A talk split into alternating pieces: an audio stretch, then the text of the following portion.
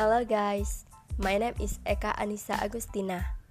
At this moment, I will tell you about my unforgettable memories 12 years ago when I was 8 years old, precisely when I was in grade 3rd elementary school.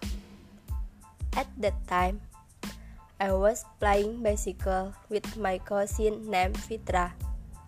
He is a man. His house is near my house. At that time, I was playing a bicycle on a downhill road near my house. Because my body is bigger than him, so he lost his balance when we back descended. And also because we were so fast our backs dropped and our brakes broke. We finally fell down until my legs were injured and bleed a lot of blood. And as far as I recall, Fitra had no serious injuries.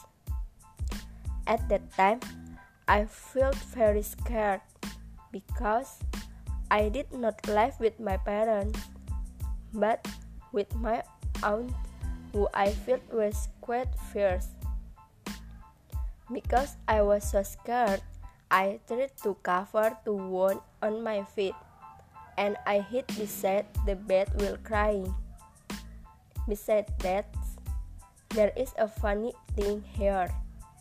When my pocket money flies out of my pocket and falls on the ground and gutters.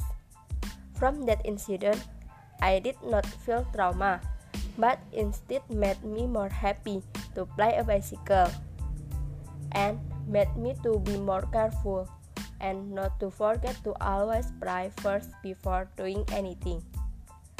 Thank you. I wait for unforgettable experience from all of you. Bye bye.